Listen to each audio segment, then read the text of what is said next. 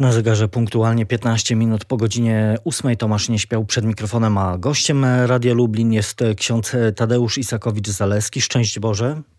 Szczęść Boże, witam serdecznie. Czy polski, ale też i powszechny Kościół ma albo powinien e, przynajmniej mieć problem z rolą kardynała Stanisława Dziwisza w procesie tuszowania afer i nadużyć seksualnych z udziałem kościelnych hierarchów. To oczywiście pytanie, e, które jest konsekwencją e, głośnego reportażu Marcina Gutowskiego, Don Stanislao, w którym także ksiądz występuje jako jedna z osób, która od lat domaga się wyjaśnień i sprawiedliwości w tych sprawach.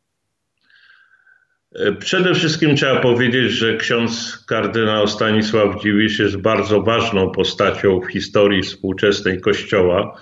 Był e, współpracownikiem Jana Pawła II przez 40 lat i dlatego wszelkie wątpliwości, które są wokół jego osoby, powinny być wyjaśnione, między innymi ze względu na pamięć o wielkim e, polskim papieżu. I myślę, że w tej chwili doszło do takiej sytuacji, że tego nie wyjaśnią ani media, ani jakieś polskie komisje, tylko strona watykańska powinna podjąć wszelkie kroki, żeby w sposób absolutnie niezależny wyjaśnić i powiedzieć e, opinii publicznej, wiernym Kościoła katolickiego, e, jaka była prawda w tych sprawach. I myślę, że jest tutaj potrzebny taki sam raport, jaki został e, utworzony e, w sprawie e, byłego kardynała McCarricka z Waszyngtonu. I myślę, że tu ksiądz kardynał sam już zadeklarował chęć wyjaśnień. Natomiast to, co niestety mówi w reportażu i w innym wywiadzie, który był wcześniej w TVN, no to przyjął metodę ustawicznego zaprzeczania, więc spodziewam się, że jednak dojdzie do wyjaśnienia tych spraw. No właśnie, bo tam też. Analizując te pytania y, i te, te wywiady i te, y, ten, ten reportaż, y, trudno, trudno nie odnieść wrażenia, że pada też słowo przeciwko słowu. Mówię tutaj o, o, o tych informacjach, które dziennikarzowi mm, przedstawia ksiądz w kontekście też pytań z kolei kierowanych do i odpowiedzi, które udzielał Stanisław Dziwicz. No to są też wzajemnie wykluczające się wersje, Chodzi mi tutaj o, o tę kwestię właśnie informacji dotyczącej tego słynnego, można powiedzieć już listu, który też ksiądz publikował już oficjalnie. No tak, w tej konkretnej sprawie trzeba to rozstrzygnąć na drodze e, wspomnianej komisji papieskiej, dlatego że ja te dokumenty w kurii złożyłem. E, po półtora roku, kiedy ksiądz kardynał nie podjął działań, napisałem do Watykanu. List był tłumaczony na język włoski. E, kuria wtedy krakowska rozpoczęła proces e, sprawdzający, ale nie poinformowała do dzisiaj o wyniku tego procesu.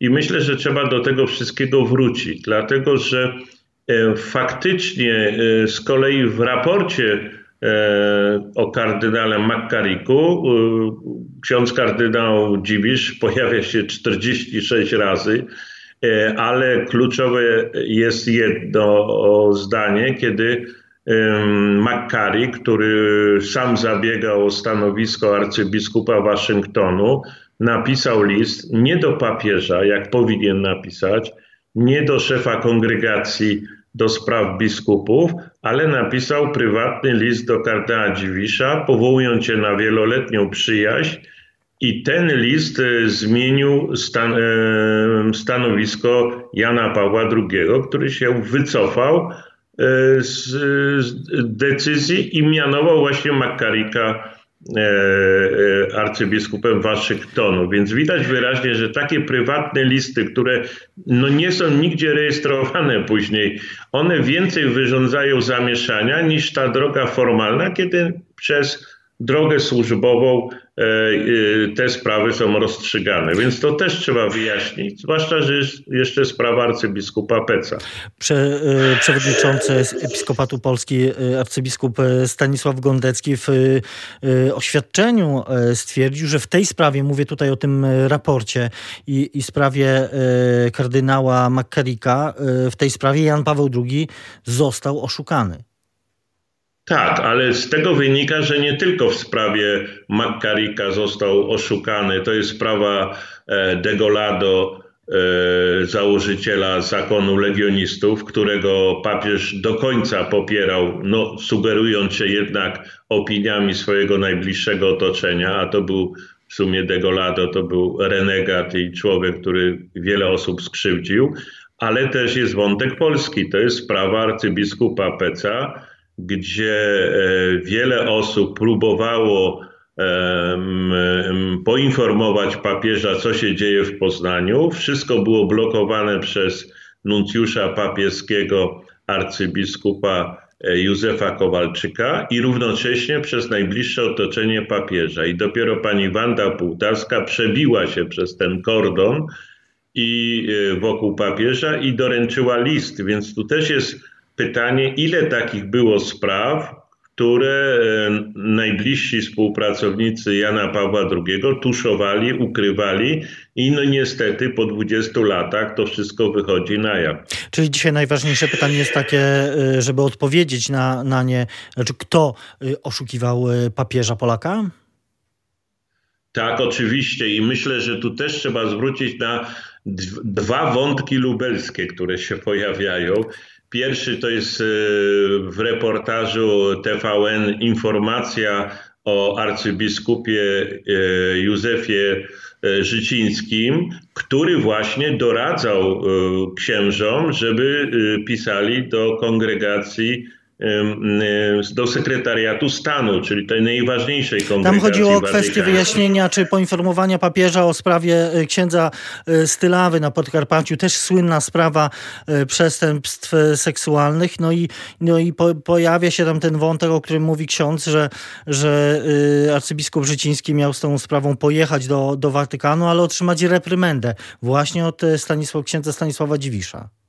No tak, i to właśnie pokazuje kolejną sprawę. Dzisiaj arcybiskup Życiński nie żyje, ale są świadkowie tej sprawy i tu akurat jak nieraz jestem krytyczny do oceny e, działalności arcybiskupa Życińskiego, jeżeli chodzi o lustrację, to trzeba powiedzieć, że on tutaj e, przyjął właściwą postawę, ale spotkał się z oporem ze strony kardynała Dziwisza. Drugi wątek lubelski jest już e, nową sprawą, dlatego że będzie się toczył proces w kurii, e, w sądzie w Tarnowskim. E, no niestety to jest sprawa trochę dla mnie żenująca, bo kuria tarnowska zamiast wyjaśnić sprawę molestowań, to pozwała mnie do sądu, ale ja z kolei poproszę, żeby świadkiem w tej sprawie był arcybiskup Stanisław Budzik, który był biskupem pomocniczym e, w Tarnowie, który doskonale wiedział też o tym, że były tuszowania na terenie diecezji tarnowskiej. Więc widać, że to nie jest tylko problem e, Watykanu, ale również e, tych tuszowań. Chodzi o molestowanie przez jednego z księży kilkudziesięciu chłopców. I co się stało w Tarnowie? Zamiast ukarać tego księdza, czy odsunąć w ogóle od młodzieży, Wysłano go na Ukrainę i tam dokonał kolejnych molestowań. No więc to pokazuje, że ten mechanizm e, no jest obecny w różnych częściach Kościoła. I dla dobra Kościoła trzeba to wszystko od A do Z wyjaśnić. E, poza tymi e, wątkami afer seksualnych są też formułowane takie podejrzenia, może nawet właściwie wprost oskarżenia o, o przyjmowanie łapówek przez e, Stanisława Dziwisza e, za umożliwienie udziału w audiencjach papieskich, e, no właśnie tych prominentnych członków Legionu Chrystusa. Padają kwoty rzędu dziesiątek tysięcy dolarów. Sam kardynał Dziwisz w oświadczeniu dla włoskiej agencji stwierdził, że stawiane mu zarzuty są zniesławiające i mają na celu podważenie jego pokornej służby na rzecz świętego Jana Pawła II. Oczywiście zapewnił, że nie przyjmował nigdy pieniędzy. Jak e, ksiądz e, uważa, to znaczy co ksiądz sądzi o tym, o tym oświadczeniu, o tej reakcji księdza kardynała? Myślę, że tym bardziej jest potrzebna komisja papieska, która to wyjaśni, bo to jest kolejny zarzut bardzo poważny, czyli można powiedzieć ułatwianie pewnych wydarzeń w kościele za pieniądze. No, jedni to nazwą wprost łapówka, inni powiedzą ofiara e, złożona za czyjąś życzliwość, ale też Znam już pojawiające się informacje, że ksiądz kardynał, na pewno kierując się dobrymi intencjami, prowadził wiele inwestycji w, w swojej rodzinnej miejscowości w Rabie Wyżnej to jest i budowa ośrodka dla niepełnosprawnych, i wspieranie szkoły, i wiele innych rzeczy, budowa kościołów. No ale dzisiaj powstaje pytanie, skąd te pieniądze były? Przecież e, trudno uwierzyć, że to było z pensji, y, którą otrzymywał jako sekretarz. E, między innymi o tym także będziemy rozmawiać w dalszej części naszej e, rozmowy. Ja przypomnę, ksiądz Tadeusz Isakowicz-Zaleski jest gościem Radia Lublin. Zapraszamy na ciąg dalszy na radio.lublin.pl i radiowego Facebooka, a słuchaczom radia bardzo dziękujemy.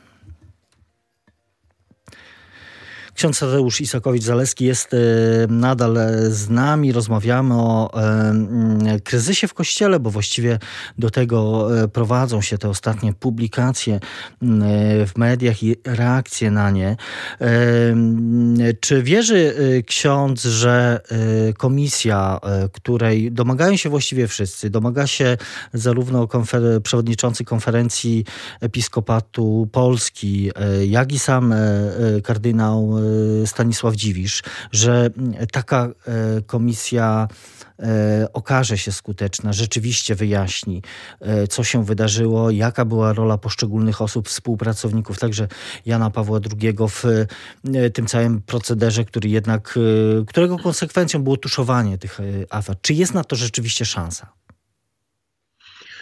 Oczywiście komisja jest potrzebna. Jest tylko pytanie, kto to ma tę komisję powołać i jakie by, będą zasady funkcjonowania tej komisji i jakie uprawnienia też ta komisja będzie miała. Moim skromnym zdaniem absolutnie to musi być komisja papieska, zwłaszcza, że w sprawie kardynała Dziwisza są wątki watykańskie, no do których nie ma dostępu nikt z Polski. To może zrobić tylko Ojciec Święty, oddelegować swoich współpracowników, tak jak to zrobił w sprawie McCarricka e, z Waszyngtonu. Natomiast inne sprawy, bo to nie jest tylko sprawa e, kardynała Dziwisza, które są już lokalne, powinna wyjaśnić komisja absolutnie niezależna. I mam tu takie dwa przykłady, negatywny i pozytywny. Negatywny to jest komisja, którą kiedyś kardynał Dziwisz powołał w Krakowie do spraw lustracji. Nazywała się ona Pamięć i Troska. I w rzeczywistości ta komisja nie tylko, że nic nie zrobiła, ale zamiotła pod dywan, zatuszowała te sprawy i de facto koledzy oceniali swoich kolegów. Natomiast jest przykład bardzo pozytywny, francuski, gdzie dwa lata temu episkopat Francji, widząc jaka jest skala oskarżeń pod adresem Kościoła, i to trzeba powiedzieć, i słusznych, i niesłusznych, uznał, że nie ma innej, innej drogi, tylko poprosił e, znanego prawnika e, francuskiego, pana Żana Marka Sauvé, żeby sam taką komisję utworzył, oczywiście pod patronatem episkopatu. I pan Sauvé był całkowicie w tej sprawie niezależny, jest nadal.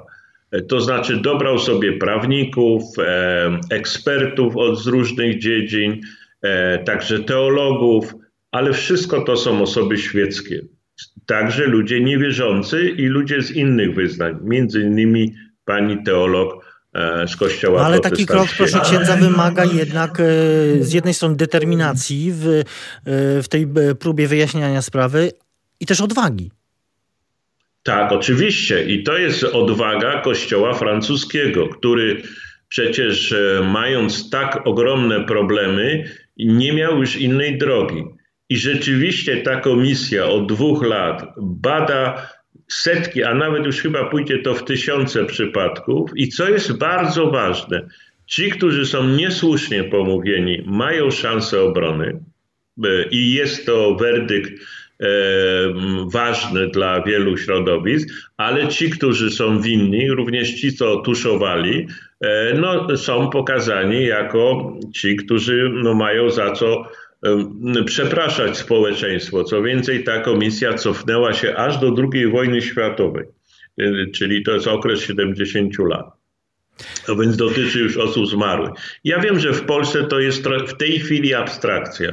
Niemniej jednak jakaś komisja niezależna, złożona z ludzi świeckich powinna powstać, bo inaczej Kościół będzie w pułapce ustawicznych oskarżeń jak chcę po, jeszcze raz powiedzieć, słusznych i niesłusznych. I kto to będzie miał wyjaśnić? Były takie, były takie próby, zresztą sam e, Kościół yy, podejmował je z jednej strony, z drugiej strony były też te świeckie e, próby, także, także ksiądz przecież aspirował do, do bycia członkiem takiej komisji, która miała, miała wyjaśniać te sprawy. No tak, tylko że komisja państwowa no, została utworzona pod, w kryterium, wzięto pod uwagę kryterium polityczne. Nie jest tajemnicą, że władze kościelne wręcz namawiały e, e, e posłów PiS, żeby e, utrącić moją kandydaturę. E, ja się o to nie prosiłem. E, zgłosiło mnie inne środowisko. Natomiast już widać, że ta komisja nie działa, bo do dzisiaj nie ma nawet adresu i nie wiadomo, gdzie można wysłać jakieś informacje. Natomiast y, komisja państwowa niech działa. To ja nie mam nic przeciwko temu, wręcz odwrotnie będę zawsze popierał te działania. Natomiast Kościół musi sobie sam utworzyć komisję, ale nie złożoną z duchownych, że znowu będzie sytuacja, że kolega ma oceniać kolegę, no, no to jest absurd tylko e, taka komisja ludzi, którzy cieszą się powszechnym zaufaniem, nie są w strukturach kościelnych, ale są bezstronnymi prawnikami czy, e, czy na przykład e, psychologami, czy kimś, kto w ogóle się zajmuje problemem molestowań.Ina, inaczej się nie da. Na razie jest ciągłe odbijanie piłeczki ping-pongowej. Mogę tu znowu dać przykład, przykład lubelski, e, nawet dwa kolejne przykłady lubelskie. Jeden, jedna sprawa, która została skierowana do prymasa Polski, a dotyczy molestowania w diecezji sandomierskiej e, i ja otrzymałem później list, że ta sprawa została, będzie rozpatrywana nie przez prymasa, ale przez arcybiskupa lubelskiego. No i zapadła głucha cisza. Nic się nie dzieje. Nikt nie jest ani pytany, ani nie jest sprawa rozstrzygana w żaden sposób. Być może po paru miesiącach to wreszcie ruszy. A czy brak e, skuteczności? Sprawa, tak, kompletny brak skuteczności, czyli pismo idzie do prymasa, prymas odpisuje, że sprawę przekazał do Lublina. No i tak, i to najczęściej umiera śmiercią naturalną. Druga sprawa to, jest, to są molestowania e, dokonywane przez jednego z księży lubelskich, który wykorzystywał obozy harcerskie do, do tych niecnych spraw. I młody człowiek, mieszkający w tej chwili poza diecezją lubelską, e, no, koresponduje z kurią w tej sprawie. Czytałem te listy, czytałem te odpowiedzi. No to jest takie, ja to na, na, nazywam grą w ping-ponga. No, odbić piłeczkę, żeby nie podjąć sprawy. Y, oczywiście tu kuria podjęła jednak pewne działania, natomiast ileż ten młody człowiek ma razy pisać, upominać się o pewne sprawy, które po wielu miesiącach nagle jest jakaś cisza głęboka i nie wiadomo, co się dzieje. Y, ten ksiądz, który dokonał molestowań, i zresztą kilkukrotnych właśnie na obozach harcerskich, jako kapelan harcerski, do dzisiaj funkcjonuje w diecezji, archidiecezji lubelskiej, więc tak być dalej nie może. I myślę, że ta przewlekłość, gigantyczna przewlekłość spraw jest y, zniechęcająca wiele ofiar do podejmowania tych działań. A czy, czy ta przewlekłość i czy brak tej skuteczności właśnie w wyjaśnianiu tej sprawy nie, nie jest związany przypadkiem też z tym, z takim jeszcze jednym wymiarem całej, całej sprawy, czy, czy szeregu afer związanych z nadużyciami seksualnymi w Kościele. Mianowicie chodzi mi o, o postać Jana Pawła II, który gdzieś tam się w tle jednak pojawia, świętego, którego no, niektórzy y, próbują autorytet, jego autorytet próbują przy tej okazji y, negować. Na sile też, co trzeba przyznać, przybierają głosy tych, którzy są byli przeciwnikami jego kanonizacji, y, próbują, czy, czy za chwilę mogą próbować właśnie działać w kierunku odebrania mu tych tej godności. Tak, no, Ojciec Święty Jan Paweł II nawet po śmierci jest bardzo niewygodny dla wielu środowisk, zwłaszcza, że sprzeciwiał się komunizmowi, jednoznacznie opowiadał się w obronie życia poczętego. I myślę, że dlatego właśnie, żeby nie dawać amunicji e, tym wszystkim e, oskarżycielom Jana Pawła II, trzeba wyjaśnić wszystkie wątpliwości, aż do bólu i pokazać, że jeżeli Ojciec Święty był wprowadzany w błąd, a w wypadku Makarika był ewidentnie wprowadzany w błąd, to kto za to odpowiada? Trzeba pamiętać, że Kościół to jest gigantyczna monarchia absolutna. Miliard ludzi na całym świecie. Samych biskupów jest chyba 4 czy 5 tysięcy. Jest fizyczną niemożliwością, żeby Ojciec Święty, niezależnie kto nim jest, miał możliwość sprawdzić każdą kandydaturę. On musi ufać swoim współpracownikom. I już widać w niektórych tylko sprawach, E, za czasów pontyfikatu Jana Pawła, że dochodziło do nadużyć. To znaczy uta, e, utajniano pewne rzeczy negatywne, bądź promowano osoby, które tam się nigdy nie powinny zostać biskupami. E, I to pokazuje, jak bardzo potrzebna jest ta lustracja w tym kontekście oceny opinii, jak, jak ten mechanizm działał. Natomiast sam Jan Paweł II się obroni jako y, duchowy, można tak nazwać, duchowy przywódca świata, bo nie, był szanowany przez ludzi, którzy nie tylko byli katolikami. Y, niemniej jednak y, przyszedł taki czas, że dopóki żyją świadkowie, tak jak kardynał Stanisław Dziwisz i inni, oni powinni powiedzieć, do końca, jak to naprawdę było. Jeżeli były błędy, to trzeba o tym powiedzieć, właśnie dla dobrego imienia Jana Pawła II. Zresztą o tym też mówi jeden z dziennikarzy, yy, yy, autor książki opisującej kulisy yy, afer watykańskich, zagranicznych dziennikarzy. On przyznaje, że byłoby fatalnie, y, gdyby historia tak zapamiętała właśnie Jana Pawła II, którego on osobiście bardzo kochał. Tak, właśnie i to jest też trzeba, jasna sytuacja, trzeba to oddzielić. Niestety najwięcej tych błędów było w ostatnich latach życia Ojca Świętego. To wtedy, to kiedy były... chorował.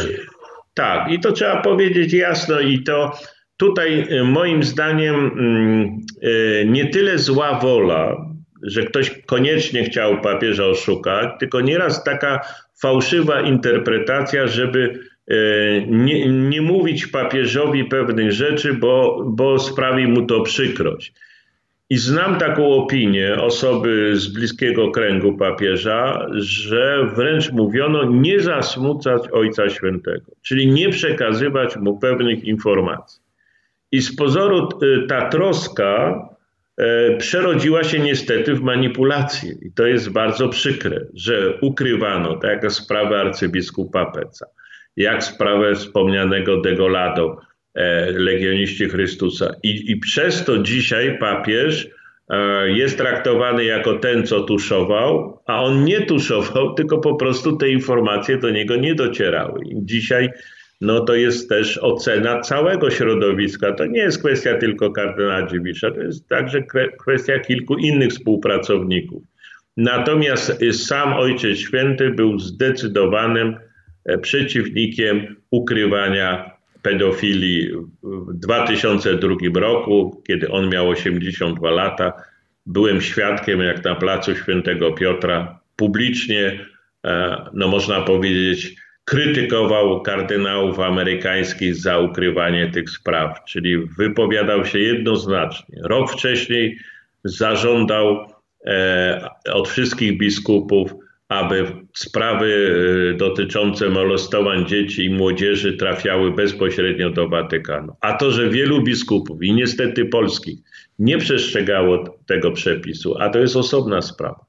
To trzeba też pokazać. O tym też y, myślę warto pamiętać. Y, na koniec jeszcze chciałem y, księdza zapytać o bieżącą działalność, no bo przecież nie tylko wyjaśnianiem patologii w kościele się ksiądz zajmuje. Jak radzi sobie Fundacja Brata Alberta no w tym trudnym czasie pandemii, w trudnym dla, dla wszystkich, ale też my, myślę w tej waszej bieżącej działalności, tej pomocy, to też nie jest łatwy czas. Tak, no to jest najważniejsza sprawa.